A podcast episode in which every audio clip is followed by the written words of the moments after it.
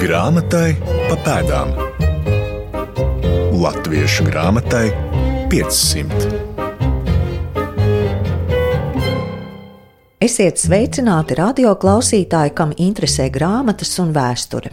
Mans vārds Laima Slava, un šoreiz pietuvinājumā ielūkosimies skolās, galvenokārt zemnieku skolās, kādas bija 19. gadsimta pirmajā pusē, un uzzināsim, kā veidojās skolu literatūra.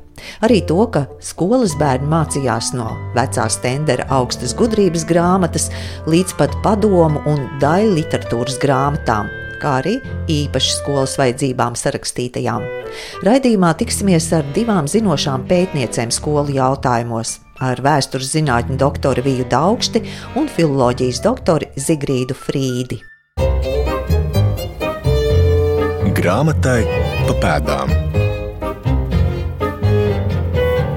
Par skolām un grāmatām, ko mācībām izmantoja, esam stāstījuši jau iepriekšējo gadsimtu sakarā. Galu galā izglītības telpas veidošanās šodienas Latvijas teritorijā un arī Eiropā bijis ilgs un gana sarežģīts process. Par izglītības sistēmas veidošanos 19. gadsimtā iesāk Vija Daugšte. Protams, ka ir e, jāatcerās, ka skola e, tā ir nauda, tā ir zeme tā ir noteikta politika. Noteikti mērķi, kā to politiku īstenot. Un, un, protams, ka to var, var darīt un to var sagaidīt no tām sabiedrības grupām, kurām ir viss nepieciešamais. Tā skaitā vara 19. gadsimta tautas izglītības telpu patiesībā izveidoja Vācu baltiešu elite. Tā ir mužniecība, tā ir garīdzniecība, tie ir tā sauktie literāti, proti akadēmiski izglītotā Vācu baltiešu sabiedrības daļa. Un tas process nesākās, protams, 19. gadsimtā. Bet 19. gadsimts ienes, protams, milzīgas izmaiņas. Bet ideja un doma, ka uh, sabiedrības uh, zemākie slāņi, uh, šai gadījumā latviešu zemnieks vai latviešu zemniecība ir uh, zināmā mērā jāizglīto, nu, tad tas, tās atziņas nāca jau 18. gadsimtā reizē ar apgaismību, reizē ar īcevišķu vācu apgaismības filozofija par to, ka zemnieku kārta ir cienījama kārta un noteiktās robežās jāizglīto, ka tas ir viens no pamatiem zemes labklājībai. Tāda ziņa nāca no apgaismības gadsimta. Līdz šim nebija sakārtot izglītošanas likumiskā un institucionālā puse, taču 19. gadsimts nāca ar būtiskām izmaiņām saimnieciskajā dzīvē, proti tika atcelta dzimtbūšana, un tas mainīja daudz ko. Vācu baltiešu mužniecībai, bruņniecībai gadsimta sākumā bija divi eksistencē būtiski jautājumi. Un tās ir agrārās reformas un tā ir skola. Zemnieku izglītošana. Pirmo reizi mūsu zemes vēsturē 819. un 17. it īpaši 19. gada vidzemēs, es gribētu atzīmēt, jo vidzemes bruņniecība bija daudz aktīvāka pirmo reizi likumiski tika nostiprināta uh, tautas izglītības sistēma. Uh, tika noteikts skolu skaits, kādam ir jābūt, uh, divas pakāpes, tautas izglītības pakāpes. Tā bija pagasts skola vai ģimendešu, un tā bija draudzes skola, parohiāla šūla tā to sauc toreiz. Un likumā tika noteikts, uz cik lielu iedzīvotāju skaitu ir jābūt vienai un, un otrai. Likumā tika noteikts mācību saturs, skolas laiks. Nu, patiesībā uh, nebūs par stipru teikts, ja ar 1819. gadu ar dzimšanas atcelšanu reizē uh, tika noteikta arī uh, obligāta skolas izglītība zemniecībai, latviešu zemniekam. Nu, Igaunijā līdzīgi tas tā notika. Lai arī ceļš līdz reālai skolu sistēmai bija vēl garš, taču likumā tas tika stingri noteikts. Literatūras zinātniece Zigrīda Frīde, turpinot domu, ka cerības uz strauju tautskolu attīstību nepiepildījās, tomēr veicināja mācību līdzekļu sacerēšanu. Bija ieteikums rakstīt tās mācību grāmatas latviešu valodā. Protams, ne to laiku, ne 20. gados, bet viņas noderēja latviešu izglītošanai nākamajos, nu, varētu teikt, tā 30. gadu paudzei um, šīs grāmatas. Tātad nu, šīm grāmatām pirmkārt minams būtu Hārdera matemātikas mācība, eh, tiem, kas, kas gudrību un gaišu prātu cienīja. Un arī citi izglītojoši materiāli, piemēram, tātad sprēdiķa padomu grāmatas, tolaik nepastāvēja stingras robežas starp skolu, mācību, tātad skolu mācību un tā saucamās padomu literatūras izdevumiem. Un grāmatas bieži ieguva arī padomu literatūru, un skolu grāmatas iedeva daļliteratūrai raksturīgu literāru formu. Mm, Baltijas apstākļos gadsimta pirmajā pusē arī mācību līdzekļu autori bija, protams, vācu cilmes literāti. Skolu grāmatu autori, protams, viņi visi bija luterāņu mācītāji, un viņi, protams, bija visi labi izglītoti varētu teikt, ka šos saturā vienkāršos pirmos mācību līdzekļus autori paši bija pat iegūši zinātniskos grādus. Piemēram, eh, Pauls Emīls Šats bija Tīringens universitātes filozofijas doktors, un latviešu tautā viņš tātad sarakstīja pirmo lasīšanas grāmatu 1844. gadā.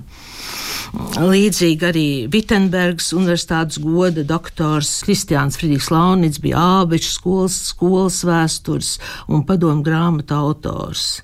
Vai arī, piemēram, Kārls Kristiāns Ulmans bija Tērbats universitātes teoloģijas profesors un Vizamas skolas padomnieks, un viņa grāmatiņas bija iecienītas skolotāju starpā un arī lasīja viņas tie, kuriem vairs nepietika ar stendera grāmatiņām, bet, piemēram, kuri gribēja zināt kādas ziņas par to, kas pie debesīm redzams. Nu, tāda veida izzina literatūru. Viņš arī debesu rūlis par zvaigžņu zīmēm un tā tālāk. Un tās viņš izdeva 1838. gadā. Kārlis Vatsons, tātad latviešu avīžu izdevējs. 1816. gadā jau izdeva lasāmu grāmatu latviešu bērniem par labu sarakstītu. Piemēram, ietver arī padomus par veselības kopšanu un tā tālāk. Bija grāmatas, kas kā mācību līdzekļi izmantoti ļoti ilgā laika periodā, un Zigrīda Frīda min konkrētus piemērus. Kā piemēram šeit tā Lutera bērnu mācība, kura iznāca un bija populāra arī visu 19. gadsimta pirmo pusi noteikti. Viņu izdeva atkārtot vairākas reizes. Vai piemēram Stendera augstas gudrības grāmata mācījās ne tikai 30, 40, bet arī 50. gadu eh, literātu, un praktiski nebija tāds jaunatvietis, kas nebija būtu bērnībā studējis Stendera augstgudrības grāmatu. Tā kā šīs grāmatas bija maz, un viņas visas bija, nu, kur, kuram kas tika, tā, tas bija apritē. Piemēram, baronam pirmās mācību grāmatiņas, vispār viņš mācījās pēc dziesmu grāmatas, pēc, pēc nu, lasīt, un pirmā skolas izglītība īstenībā viņiem visiem bija diezgan trūcīga. Pat um, Dinsbergam arī um, tā pirmā izglītība bija pāris klases, viss viņš bija autodidakts. Izpētes augsta. Paturpināsim par tautas izglītības sistēmu un kur rasts paraugs. To skaidro Vieda augšte. Un uh, vidzemes bruņniecība, kas bija, kā es teicu, ļoti aktīva, to paraugu saskatīja Prūsijas zemē. Tā izskaitā arī uh, tika cilāts jautājums par skolotāju sagatavošanu. Likumā gan tas nebija ietverts, bet tas jautājums aizvien pēc tam bija ļoti aktuāls. Un tika atrasts veids, kā uh, likumiski nostiprināt. 1840, nu, 39. faktiski 40. gadā sāka darbu mums labi zināmais Valmieras valkas skolotāju seminārs no sākuma. Tas bija Valmjerā, pēc tam pārcēlās uz Valku. Pamazītēm līdz gadsimta vidum faktiski, eh, nu, es teikšu līdz, līdz 70. un 80. gadiem 19. gadsimtā, pamazītēm nostiprinājās ne tikai skolotāju sagatavošanas sistēma, kas citu starpā bija viens pret vienu, es domāju, mācības saturu, viens pret vienu ar uh, skolotāju semināru Vaisenfelsā. Eh, Vācijā, eh, kur Cims mācījās. Mācības saturs bija viens pret vienu. Tostarp ļoti pamatoti. Man ir mm, bijusi tā izdevība strādāt nedaudz ar tiem avotiem, Vaisenfels skolotāju semināru vēstures avotiem. Tā ir skaitā filigrāni, es teikšu, ļoti, ļoti pamatoti tika uzsvērta uh, mūzikas izglītība. Un no turienes arī cimdas visa darbība un skolotāja semināra audzēkņu darbība šai jomā. Tas viss nāca no Vaisenfels skolotāja semināra. Mums jāpiemina arī skolotāju sagatavošana Kurzemē, kur 1832. gadā Cīravas draudzē tika atvērts pirmais skolotāju seminārs, un tas bija mācītāja Johana Kristapa Voltera izlolots privāts latviešu skolas projekts. Par to vairāk zina stāstīt Zigrīda Frīde. Lai uh, varētu ar vācot šeit sagatavot latviešu skolotājus, viņš sameklēja Andreju Bergmani. Viņš bija tāds spējīgs latviešu puisis, kurš, sapcīt, interesanti, viņš atmiņās līdzīgi kā aprakstījis, kā nu, tas ir tāds tipiskais atradīšu. Tas bija tipiski. Kamēr Zigrīda Frīda meklēja Bergmaņa tekstu, kurš bija pirmais profesionāli izglītotais latviešu izcelsmes tautas skolotājs, paturpināsim. Tātad pirmais, ko mācītājs Volters, tātad cīraus mācītājs, apmācīja un pēc tam savāca naudu un aizsūtīja viņu tekstenes skolotāju seminārā Vācijā. Un tad viņš atgriezies no 33. līdz 43. gadam, sāka sagatavot pirmos latviešu skolotājus. Tie, kas bija talantīgāki, apdāvinātāki un gribēja strādāt par skolotājiem, tos viņš augstākajā klasē apmācīja. Un kopā viņš esot apmācījis no 33. līdz 43. gadam tātad par skolotājiem eh, pirmos 25 latviešu skolotājus. Un es atradu to dzējolī. Jā, jā labprāt noklausīšos. Jā. Atklājam tekstus! Es no savām bērnu dienām maz ko varu pasakīt. To vēl zinu, ka man vienam lika lopus ganos dzīt. Tēvam Volteram patika, kā es pratu grāmatu. Man uz mūžu aizves lika, kur dabūju amatu. Man par sulaini pacēla, dārzos lika puķis liet. Darbs man bija kā bērnu spēle, prieks bija arī skolā iet. Te nu tiku, jo pie prāta, izaudzis talts jauneklis, biju vērtu ļaužu kārtā, mācītāja audzēknis. Nu vēl vairāk nodomāju, kungi nāca palīgā, manim skolu apgādāja tālā svešā vietiņā. Mandēvels atmaksāja Bergmaņa mācības, tātad tas bija mužnieks, viņa mācītājs viņas ieteicis, un tad viņš apmaksāja Bergmanim, un tā latvieši tika pie pirmiem 25 tautas skolotājiem. Gadsimta pirmajā pusē nostiprinājās ideja, ka skolotājs ir atsevišķa profesija un tam nepieciešama speciāla izglītība. Un tas laiks, kad domāju, ka um, baznīcas ķesteris vai mācītājs vai vienalga kāds, kas prot lasīt un, un, un šo to zina no pasaules kārtības, uh, tas laiks ir beidzies. Skolotājs ir uh, jāizglīto, speciāli jāizglīto, un tā ir atsevišķa profesija. Tas nāca, kā es teicu, no, no Prūsijas un vienlaikus arī, arī mūsu mūsu zemē, šodienas Latvijas teritorijā, tā pārliecība nostiprinājās. To konkrēto rezultātu jau mēs eh, labi zinām no Latvijas vēstures tik gludi jau negāja. Līdz 30 gadiem pēc likuma stāšanās spēkā, es domāju, 19. gada dzimšanas atcelšana, līdz 30 gadiem faktiski nekādas kustības nebija. Manies pati sistēma, ja tā var teikt, nu, bet līdz tam bija pie baznīcām tās sauktās kiršpīļšūla, kas arī ir, savu veidu draudzes skola un skolas pie mužām pēc dzimšanas uh, atcelšanas likuma stāšanās spēkā uh, tās mūža skolas tika likvidētas, uh, zeme pievienota mūžu zemē. Šur tur viņas vēl saglabājās, patiesībā viņas lēnītēm tika likvidētas. Mm, tautas skola tas nenozīmē uh, tikai skolu vien. Um, nu, tautas skola uh, bija pagastu skola, draudzes skola, uh, skolotāja semināri, mājmācība, respektīvi viss tā, tā tautas izglītības telpa vienā vārdā nebūs nepareizi, ja mēs teiksim tautas skola. Tad man ir jāpiebilst gan, ka nevajadzētu jaukt ar pilsētu skolām. Tā bija pilnīgi cita sistēma. Un šur tur bija arī pilsētās skolas pilsētu iedzīvotājiem, kas bija latvieši. Pārsvarā tās bija no zemākās pakāpes līdz gimnāzijai vācu skolas. Un tā bija pilnīgi cita pasaule, pilnīgi cita tēma tā ir. Mēs šobrīd runājam par tautas skolu. Tas ir izglītība latviešu zemniekam. Grāmatai pa pēdām. Zigrīda Frīde pētījusi latviešu literatūras veidošanās aspektus 19. gadsimta pirmajā pusē, savā pētījumā norādot, ka tas ir laiks, kad literatūra un tautas izglītošana nedalāmi saistītas rosina turpināt par skolas grāmatām. Bet eh, noteikti vajadzētu pieminēt Šaca pirmo lasīšanas grāmatu, kas bija mājas un skolas bērniem pa labu sarakstīta. Viņa iznāca 1844. gadā. Un šeit ir interesanti, ka šeit bija arī atlasīti literārie teksti, kurus bērni varēja gan izmantot lasīšanai, gan dziedāšanai. Nu, šeit bija teksti sākot no Stendera līdz pat Ruģēnam. Ruģēnam publicētie teksti nav pārāk daudz to laiku, un šāds viņš šādi atbalstīja, publicējot viņa tekstus.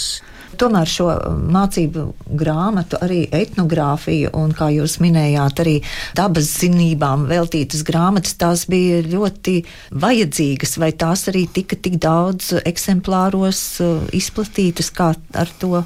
Nu, to grūti teikt, kā kurš skolotājs pēc kā mācīja, jo tā skola programma jau bija stipri minimāla grāmatas jau eh, arī cirkulēja savā starpā. To arī Ninsbergs apraksta, kā viņš gājis tur pakaļ grāmatām, kā pie kāda grāmatu vācēja, krājēja.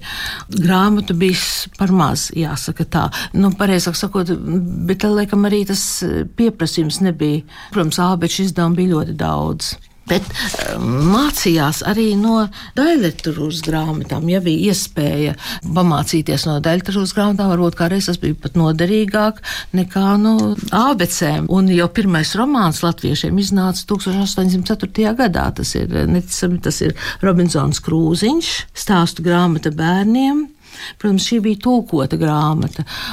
Lasot romānu, it kā par nu, cilvēku, kas dzīvo uz neapdzīvotas salas, bet viņš tika veidots tā, tā kā domājams tēvs, tas varētu būt skolotājs, kurš to šo stāstu stāsta bērniem, visu laiku viņus arī eksaminēdams un painteresēdamies, kā viņi to ir sapratuši, e, kā viņi būtu rīkojušies, kā viņi, nu, galvenā varoņa vietā vai mācīja bērnus caur uh, literatūru, caur, nu, it kā daļtratūru.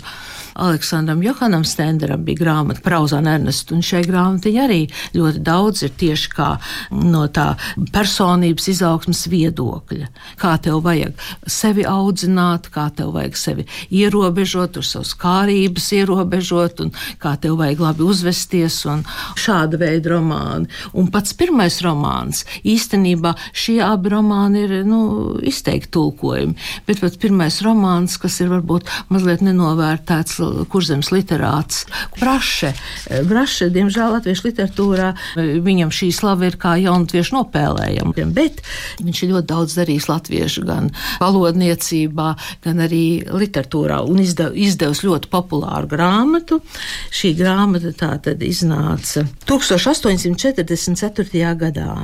Un šeit viņš no mācītāja pozīcijām, nu, it kā raksta, ka viņš ir mācītājs, kura draudzē ir šis palējs Jānis, pieņēma palējs Jāni pie sevis par dārznieku un apmācījis, un kā viņš ir stingri pareizi vadījis savu dzīvi, kļuvis par saimnieku, neraugoties citu blakus, varbūt arī kāds izputēja, bet viņš vienmēr zināja stingri skaidri, kā ir jādzīvo pareizi, kā ir bērni jāmāca, un pat viņš tā mazliet tā kā attālināti, jo it kā dod to savu darbu, ko viņš ir par viņu uzrakstījis, pašam tam palējis Jānim lasīt ja, ko viņš ir uzrakstījis. Un tas palēs Jānis skatās un saka, nu jā, es saprotu, ka es esmu nevis es, kas es esmu, bet kas es uh, varētu būt, ja, nu ārvācot tādā veidā, ka grāmatā es izskatos labāks nekā dzīvē. Tā kā. Un kā sauc šo darbu? Precīzi viņš sauc, kā palējas Jānis savu būšanu kopis, arāja ļaudīm par priekšzīmes sarakstīts no Brašanīts un Bārts mācītāja. Interesanti, kā skolu grāmatas un skolā mācītājs ietekmēja latviešu literātus. Zigrīda Frīda kā piemēru min latvieša izdotu dzējas krājumu. Viņa iznāca 1850. gadā. Un tā arī saucās stāstu dziesmas, sarakstītas no Rātminde, Rīgas latviešu Jāņu skolas skolmeistara. E, viņš pat nodemonstrē, kā literatūrā šis piepaceltais stils, ar vecot gan, ganiņš, kurš skaisti dzējo par saulīti, ganītam savus lopus, un tagad viņš ir vienu gadu bijis sko, vienu ziemu gājis skolā, un tad, kad skolā būšu gājis, gudrību krājis, tad dziedāšu pareizi, tad neies vairs greizi. Nu, neies vairs kā tautas dziesmās, bet ies tā kā nākas. Viņam ir pantiņi, kā Juris ganos iedams par mīļu sauli dziedāja, kad gadu skolā bija gājis. Un tad eh, varētu tiešām teikt, ka tā ir tāda, zināma, baznīcas dziesmu stila parodija, kas viņam ir iznākusi. Tātad šim ganiņam, kas vienu ziemu skolā gājis, ak, saule, kad tu spīdi, tad jau ik katru brīdi svēts priekšieks sirds man rodas, man prāts uz augšu dodas, teikt to, caur ko viss ticis, kas tev ja, ar spīdēt licis. Ja, nu, ar atsakot, stādīties priekšā, var kā, kā varētu būt, gan viņš būtu dziedājis. Jāatzīst, 19. gadsimta pirmajā pusē skolas nebija ļoti populāras zemnieku vidū. Tā tas saglabājās līdz pat 40. gadu beigām. Vija Daugsta iezīmē situāciju un min par kādiem izglītības jautājumiem diskutēja. Svarīgā grāmatzīme. Ļoti bieži uh, bija tā, ka pagastu skolas bija vairāk, bet tur mācīja rakstīt un, uh, un reti kad lasīt arī, un drusciņu aritmētiku. Un um, tieši to pašu arī mājmācība. Tas ir respektīvi uh, Jānis Jaunstrabiņš rakstīja uh, māte pie skala uh, uguns vērpa, un bērnam bija jāsēž līdzās un, un jāskaita buā, bēbē un, un tā tālāk. Mājmācībā latviešu zemnieku sievas iemācīja lasīt, un tas bija pamatu pamats, un tāpēc arī ar tām skolām tā lēnītēm gāja. Toties 30. gados, tad, kad beidzās tas pārējais periods, zemnieks tiešām varēja iet uz visām četrām debesu pusēm. Ja viņš vien zināja un saprata, kā atrast pamatu eksistencei, tad sākās ļoti spraiga diskusija, kas turpinājās tālāk līdz pat 60. gadiem. Mēs esam likuši pamatu uh, tautas izglītībai. Nu, kas tad īstai tautai ir jāzina? Ko tam zemniekam vajadzētu mācīt? Protams, bija radās pirmās arī programmas 40. gadu pirmajā pusē. Tās toreiz par tādām instrukcijām sauca un noteica mācību saturu, bet aizvien bija diskusija par to, vai nebūs par daudz, bet varbūt ir par maz kas īsti ir jāzina no tādam centīgam, kārtīgam, baznīcai uzticīgam, tā skaitā Latvijas zemniekam. Un tie viedokļi bija ļoti atšķirīgi. Sākot no galēji konservatīviem, ka aiz arkla ejot nav nekādas vajadzības mācīt lasīt, vai, vai rakstīt, vai rēķināt, līdz 60. gados pārliecībai ko pauda liberāli noskaņotā mužniecības daļa un, un akadēmiskās sabiedrības tā literāti. Latvijas zemnieks sāk iepirkt zemi. Tas notiek ar 60. gadu vidu. Zemnieks pamazām kļūst turīgāks. Un ir ļoti svarīgi, lai šī zināmu tādu turību eh, sasniegusi latviešu zemnieku daļa būtu uzticīga eh, valdošajai eh, varai. Ļoti daudzi liberāli noskaņot mužnieki, bruņniecības pārstāvji, arī literāti pauda domu, ka zemnieks ir tāds pats eh, sabiedrības loceklis kā mēs visi. Un, un tas ir tikai dabiski, ka zemnieka kārta tiek izglītota un tiek likt, likts pamats tālākai izglītībai, kas, protams, bija vācu. Bija arī diskusija par to, vai mācīt vācu valodā vai, vai latviešu valodā. Līdz tam skolas bija eh, latviešu valodā, pagastu skolas un draugu skolas.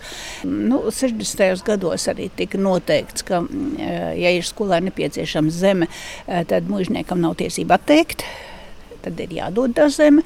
Protams, par to bija jāmaksā.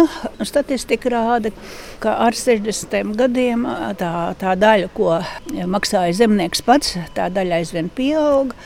Un tā pamazām tika likti pamati nu, tādai izglītības sistēmai, kādu mēs viņu pazīstam, to laiku Eiropā, un, un ar pamatizglītību, ar vidējo izglītību, augstāko izglītību nu, 80. gadi ienes būtisks pārmaiņas, bet tas jau ir uh, cits temats. Būsim kaut nedaudz ielūkojušies 19. gadsimta pirmās puses tautas izglītībā un skolu grāmatās. Ja vēlaties uzzināt vairāk, noteikti meklējiet pētījumus Zigrīdas Frīdas latviešu literatūras veidošanās aspekti 19. gadsimta pirmajā pusē, kas 2011. gadā iznāca grāmatā Ienest sveci istabā, un Vijas Daugstes 2021. gadā izdoto pētījumu Nacionālās bibliotēkas izdevumā Vācu baltiešu elites skolu politika un tautas izglītība vidzemē 19. gadsimtā. Par piedalīšanos raidījumā saku lielu paldies abām pētniecēm, Vijai Daugštei un Zigrīdai Frīdei. Izskan raidījums grāmatai pa pēdām, to sagatavoja Nora Mitspapa, Santa Lauga un Laima Slava, raidījuma padomdevējs Latvijas Nacionālā bibliotēka. Nākamreiz vērsim vaļā tekstus lībiešu valodā, kas tapuši 19. gadsimta pirmajā pusē. Grāmatai pa pēdām. Latviešu grāmatai 500.